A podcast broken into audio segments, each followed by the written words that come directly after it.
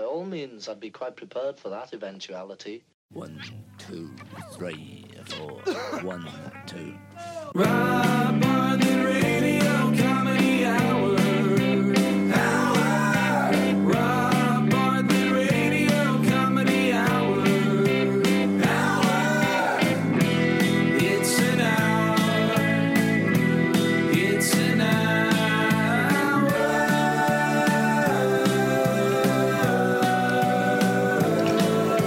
Welcome to the Rob Bartlett Radio Comedy Hour. I am Rob Bartlett, and this is my Radio Comedy Hour. We have another great show for you this week.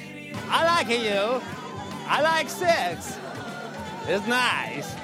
including another chapter of I Remember Imus, stories from my career as a stand up and an actor on Broadway and TV, and of course about my time on the Imus in the Morning program, without which none of the aforementioned would have been possible.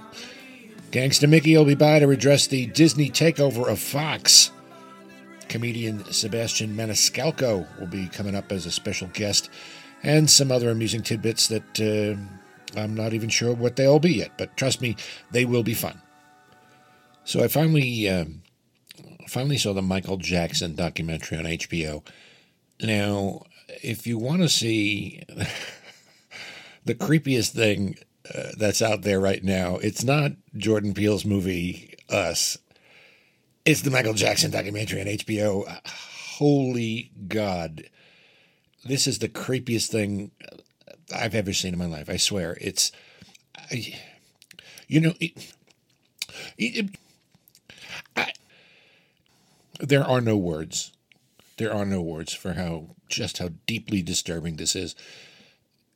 First of all, you know that picture of Michael Jackson, the one where he's you know got the really heavy duty cake makeup on his face and and the nose just looks like it's stuck in a pencil sharpener and he's got the wide eyes with the eyeliner and he looks like he looks scarier than he does in the thriller video. He he looks like the, the little kid the little boy in us you know with that that that mask thing he's got it's just awful and i'm thinking you're a parent of a of a young boy and this guy invites him over to the house, you know, you know, milk and cookies, uh, take a ride on the merry-go-round in the backyard, uh, fool around with the monkey for a little bit. Okay, maybe a little bit hesitant, but you know, you just kind of go with it. I mean, he's famous, and then he wants to have a sleepover. And nobody says, um, you may want to double think this because, I mean, I had a hard time rationalizing the man and uh, the man in the mirror and the music. Ultimately, in, in the in the long run, you can still enjoy his music as an artist, except maybe a couple of the songs like "Don't Stop Till You Get Enough." Maybe you won't listen to that one out of protest, or or "Beat It," for example, or "The Way You Make Me Feel." Certainly not "Pretty Young Thing." That much I can tell you. Pretty Young Thing, uh, no. March Madness is in full swing. I'm not really into sports, except for baseball. I'm a, and and a little bit of football. Regardless, the March Madness thing, even if you don't know anything about basketball, you, you have to fill out a bracket. I mean, you got to fill out a bracket because otherwise people think you just, you know, a communist and a, and a pussy. So I filled out my bracket, and my final four, um, which I feel really good about this year, uh, is FIT, Culinary Institute of America, Apex Technical, and Nassau Community College. You can take that to the bank, boys and girls. 40 million people will bet $10.4 million on 149 million brackets with a 1 in 9.2 quintillion chance of predicting the correct winners of every game in the NCAA tournament. The odds of being stung to death by bees is 1 in 46,562. So, you know, just think about that for a little bit. I read I read this thing in Britain and one of these things always happen in Britain, by the way. A guy goes into the hospital for a bladder inspection procedure. You know, they're going to scope him, check out the bladder, see if everything's copacetic. I don't know what he was suffering from, but it doesn't really make a difference. It, it's, you know, it's going to be an uncomfortable situation. It's, they're going to stick a hose in, uh, you know, his pee hole, and they're going to snake it all up into his bladder and check things out. And for those of you who have ever had one of those kinds of procedures, you know exactly how pleasant they are. You know, you go for your annual colonoscopy. It's you know, it's it's right up there with you know lying on the Long Island Railroad tracks, spreading your cheeks and letting the five ten out of Ronkonkoma head into Penn Station. So this guy goes in and they mix up the records and they get him confused with another surgical patient who was to have a circumcision. What do you think the discussion was with the doctor after this all went down? Good news, Mr. Thompson, your bladder is fine. It's lovely, tip top. Uh, however, there appears to have been a little confusion. There's been a slight change um, to your anatomy. Your your penis will appear somewhat different to you. We've circumcised your knob. Uh, you no longer possess a foreskin. Uh, unfortunately, some some adjustments were made to your pork sword, your tallywhacker, your your John Thomas. In a word, your cock is a bit cocked up at the moment. Uh, I assure you, we're all just gobsmacked. And speaking of unsolicited circumcisions, Amazon. this is why they call me king of the segways, boys and girls. Uh, you can get Ruthless Spectator Presents, our sketch comedy series. Ruthless Spectator presents some of our best sketches. The first season is streamable and downloadable on Amazon Prime Video. If you have Amazon Prime, it's absolutely free. If not, it's it's just five bucks for all three episodes. So you can have a mini binge the entire first season, and you can pre-order the DVD as we speak. So so check that out and uh, leave a review. Leave a good review because that'll help us get a better position on the search list. The greatest trick the devil ever pulled was convincing the world he didn't exist. We're very, very thrilled to uh, welcome pretty much the hottest comic on the circuit right now, White Hot. Uh, he's selling out arenas left and right. He was in Green Book, had a small part in Green Book. He's going to be in the new Scorsese picture, The Irishman. He's got, you know, 84 gajillion followers on Twitter. We're very, very happy to uh, welcome to the Rob Bartlett Radio Comedy Hour, ladies and gentlemen, Mr. Sebastian Maniscalco. Thank you. Thank you very much, Rob. Yeah, well, welcome. Welcome to the program. Thank you. So, what's on your mind? Well, you know, I, I do a lot of reading, you know, Mm-hmm. on planes because uh, I travel a lot. I'm, I'm doing 800 shows a year now. Wow. Uh, a lot of shows. I did four shows in a row, back to back. Madison Square Garden, Wow. sold out. Oh. 80,000 people. Jesus. It's a long way from Chuckle Butts in Pittsburgh. You know what I'm saying, Bep? My material's non political, good natured, not mean spirited. So, all you haters out there, fuck you, okay? Fuck you. I made eight million change in two days, okay?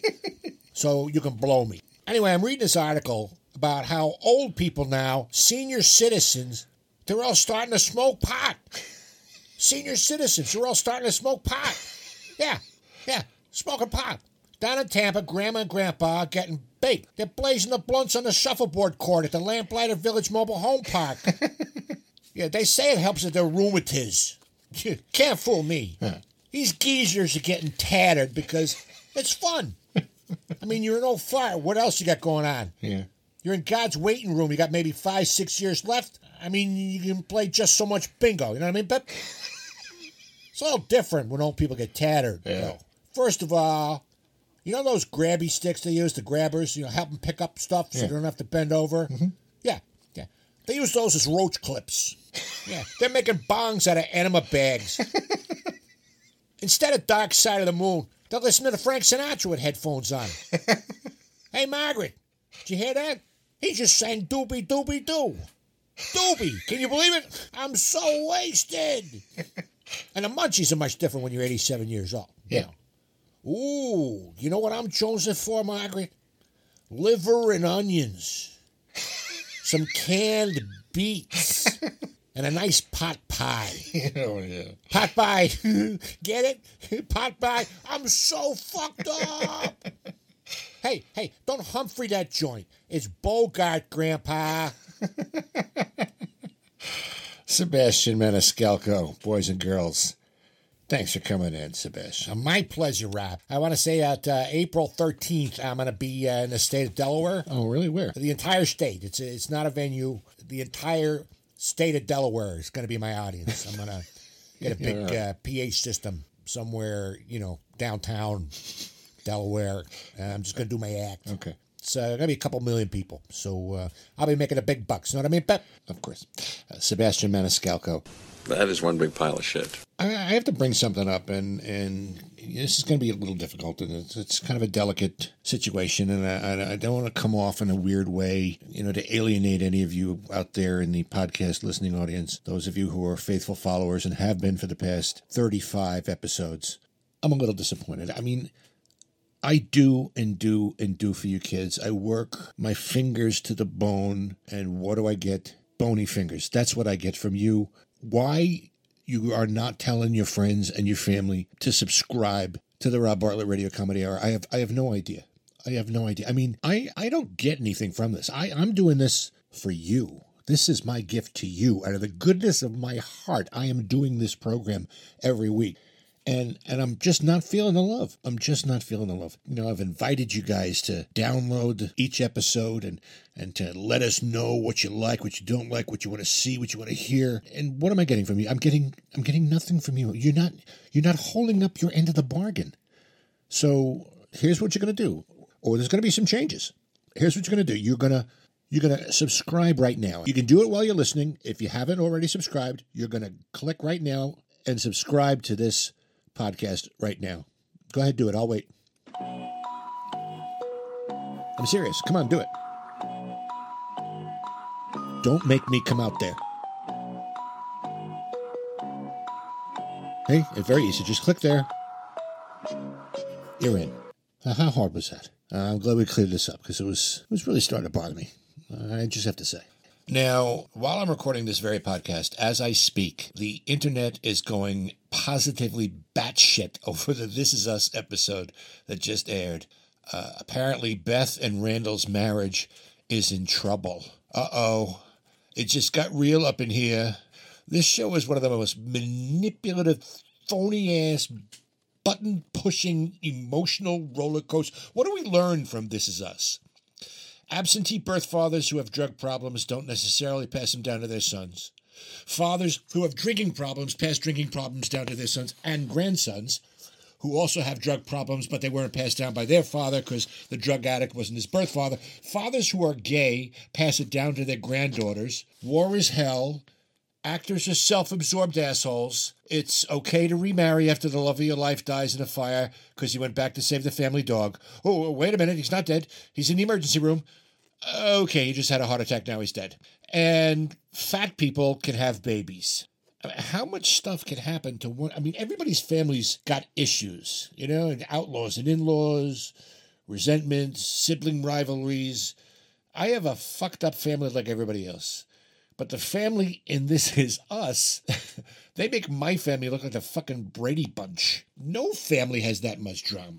But Beth and Randall, they were the super couple, and they just had a real ass fight where Beth decided she wasn't going to put aside her dreams to be Randall's politician wife. And when Randall tried to assure her that she always had the chance to follow her dream, she said, and I quote, When was I supposed to do that? Between which anxiety attack?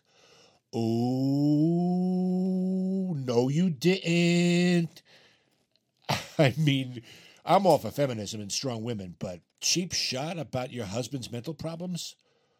Oh, that's, oh no, bitch. That's a low blow. The show's much, much better when it's unrealistic and over the top.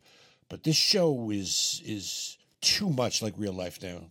Take me back to the reality I can deal with. The reality I feel much more comfortable with. The reality I can relate to. The Simpsons. Uh, speaking of The Simpsons, because I am king of the segways, Disney uh, has acquired, is taking over 20th Century Fox. Not Fox News, not Fox Business, not Fox Sports, but 20th Century Fox and all the properties and all the franchises associated with that studio. And so to to comment on this enormous business deal is someone who knows about the inner workings of Disney firsthand. A more updated version, a little harder edged. Disney uh, kind of give them a little street cred to try and get the kids more interested in them. Uh, of course, Mickey Mouse, who now is referred to as Gangsta Mickey. Yo, yo, yo, yo, what up, player? Here come the real Eminem, the original OG. Mickey M to the O to the U-S-E. Last week, Uncle Walt's empire took the next step in his evil scheme to rule the world. My boy, Bobby Iger, paid $71 billion to take over Fox. 71 b- b- b- billion! That's some boo-coo skrilla just for the rights to the Marvel and Simpsons dynasties, dog. Yeah.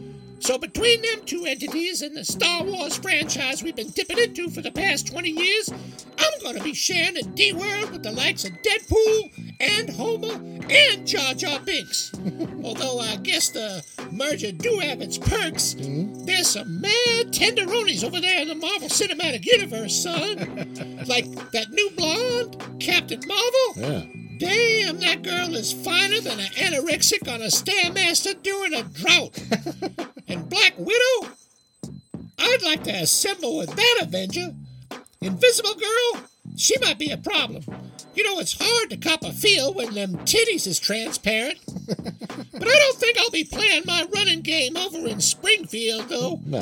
Them Simpsons bitches are swamp donkeys, dog. Marge Simpson, I'd have to be seriously hurting for a squirtin'. Cause that French's mustard complexion and skyscraper blue hair bitch make me lake flaccid. Know what I'm saying? oh boy!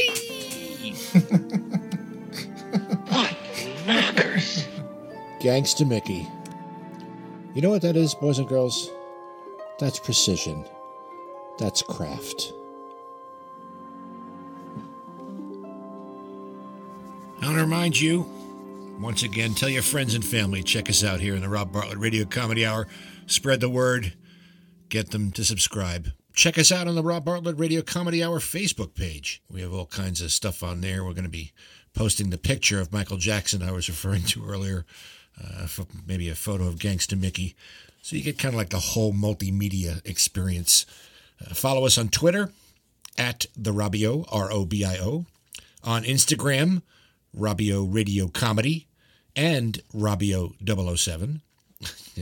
007. I know it's it's really lame, but we're to tell you. Or email us at Robio Radio Comedy Hour at gmail.com.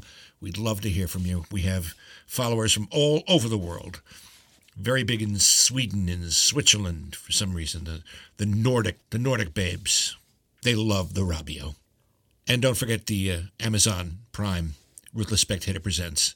Check that out. I guarantee you it's worth the while. Now it's time for what's rapidly becoming a very popular segment here on the Rob Bartlett Radio Comedy Hour. My stories, my memories, my memoir, bits and pieces from my 40 some odd year career as a stand up comic, an actor, Broadway, and TV. Coming up this summer, I'm going to be on Elementary, the modern uh, Sherlock Holmes show. I'm going to check that out. I do a five episode arc towards the beginning of the uh, season. Very, very cool. It's a very, very well written show and very well directed and, and brilliantly, brilliantly acted, especially in five particular episodes. Well, join me now as we go back in time for a little showbiz nostalgia, something that we call I Remember Imus.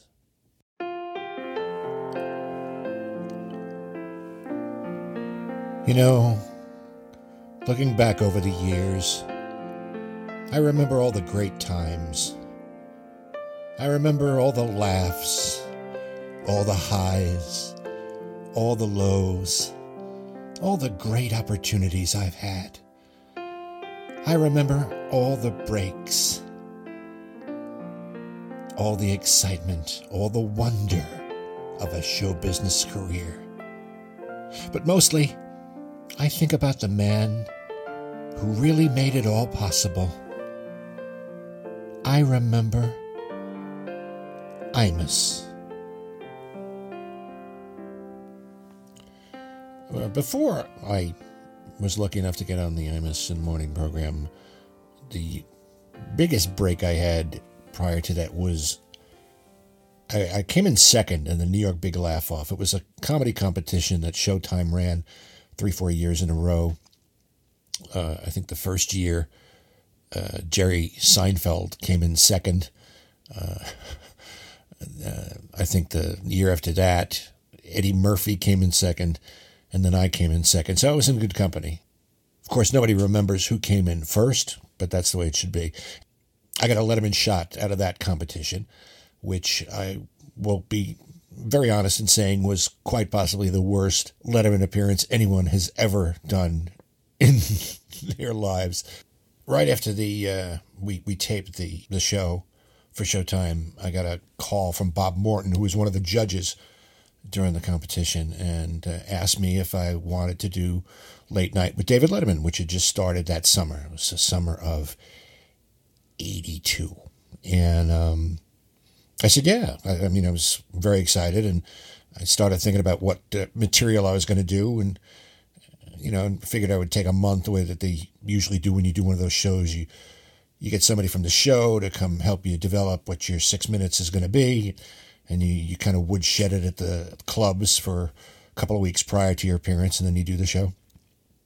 But of course, that didn't happen with me because the very next day I got a call from Bob Morton asking if I wanted to do it the following night because they had a fallout. I think Elton John canceled, so I was the replacement for Elton John. And um, it was me, Fran Lebowitz, the author, who was also one of the judges on the show, who was very, very complimentary to me. Very, very funny lady. Really great. And surfer Gerry Lopez, who was in the Conan the Barbarian movie that year. So I was, you know, with some really big power stars. So I said, you know, I already knew what I was going to do. I, you know, picked my material. What the hell, I'll do it. Well, I got there and I, I wore the tuxedo that I was going to wear at my wedding the following month because I really didn't have a suit. I couldn't get one time, so I rented a tux, and uh, you know, it was one of those morning suit deals. So it was really obviously it was a wedding tuxedo, and I wore sneakers. I thought, wow, how hip, how cool, and um, I had to do my act in the hallway for the censor because there wasn't time for the network to actually see the material I was going to be doing. And as I went through it with him, he started telling me all the things I couldn't do on the air that I planned on doing. Pretty much out of my six minutes, left me with four. So I go out, I, I do my four minutes, and um, they wave me over to the couch. Paul Shaffer plays Viva Las Vegas, which is the music I came out to.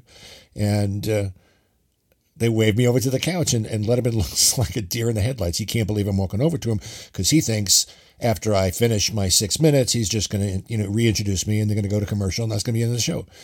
So I sit down on the on the couch, and the most painful interview ever, where I just was not prepared, and I he actually said something like, "So this a comedy thing, it's going to be uh, like a, a, career for you, or uh, what'd you do beforehand?" And so, well, you know, I, I used to run a used to run a freight elevator, Dave, and you know, had a lot of ups and downs. I as I said it, I wanted to suck the words back into my mouth. It was just so so lame. And after the segment was over and, and the band played into spots, David didn't say two words to me during the break, and then that was the end of the show and the end of my my association with the David Letterman show until thirty something odd years later, I do the Late Show with David Letterman at the Ed Sullivan Theater eh, with with the cast of How to Succeed in Business Without Really Trying, the Broadway cast with Daniel Radcliffe, and we did the big closing number from the show, Brotherhood of Man. So it came full circle. Anyway, I uh, started with Imus about six months before he went to rehab. Dale Parsons and uh, Jim Collins were the general manager and programming director. They were very supportive, a lot of positive reinforcement, he, along with Imus, encouraged me to come back. And so I was coming back on a semi regular basis. And I showed up one one morning. It was uh, late June, I think, and they explained that Imus was not there and wouldn't be there uh, for a couple of weeks because he was going to be in rehab. Pretty amazing story. And he's, I think, this year is either 32 or 33 years sober, which is pretty inspiring. Anyway, so they decided that it would be a good idea if I came in more frequently to try and pick up the slack.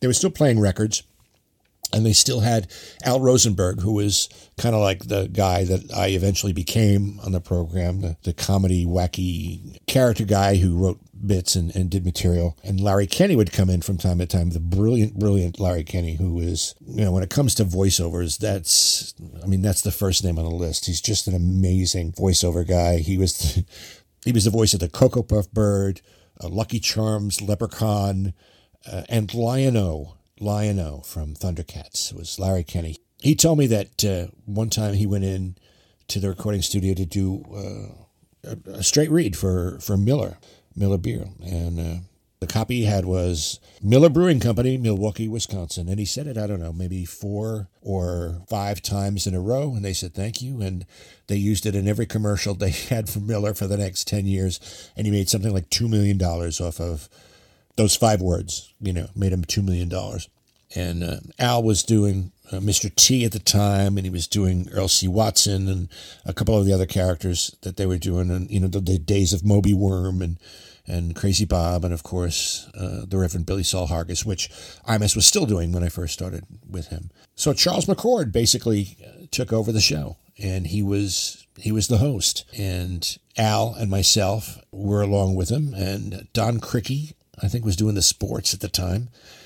We did the show for a month, and I don't know if any of you actually heard some of that that went on when Imus was in rehab, but it's pretty much a primer for how not to do a radio program. It was it was painful. It was it was really really painful because I certainly didn't know what the hell I was doing, and and you know Charles was trying to do the news, straight news, and try to play the records and and still kind of you know host a show. We had guests and uh, and whatnot, but uh, and he would oversee the production afterwards, the the bits that we used to do after after being on the air live. And I learned so much about comedy and timing, and especially in radio from being on the show. And there was one bit we did, I wrote a bit called Robocomic. Robocop, I think, had just come out at the time. I guess this is like 87, maybe.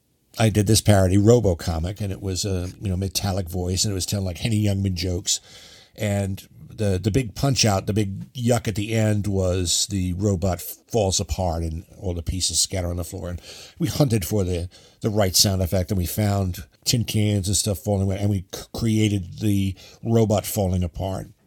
And figuring out the timing was one of the more interesting things I've ever experienced because it literally was within fractions of a second that we we put in this this sound effect, and it made all the difference in the world. Where it went from being not funny to funny, and it was a split hair of a second. But anyway, that was that was what I learned that summer when I was was in rehab, and when he came back, he was never welcomed more heartily than he was when he came back that time because it was back back to the good old days.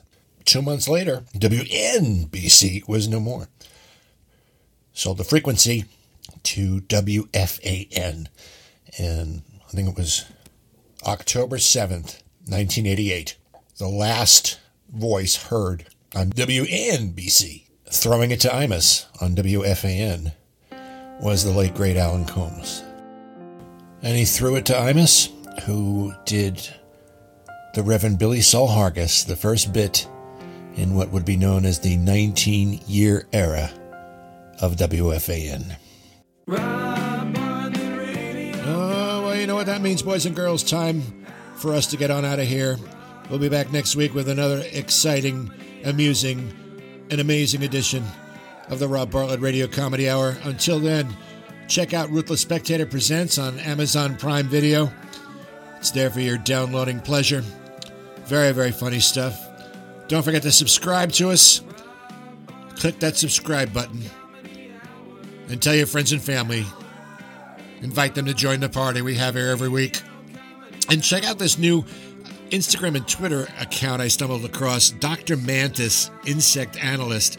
I think it's at Insect Analyst on Twitter, and I think it's Dr. Mantis on on Instagram. Anyway, check it out. It's very, very funny stuff.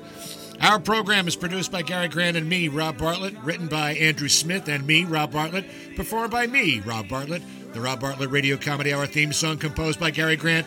No animals were harmed in the recording of this podcast. See you next week, boys and girls, and until then, be good to each other, won't you?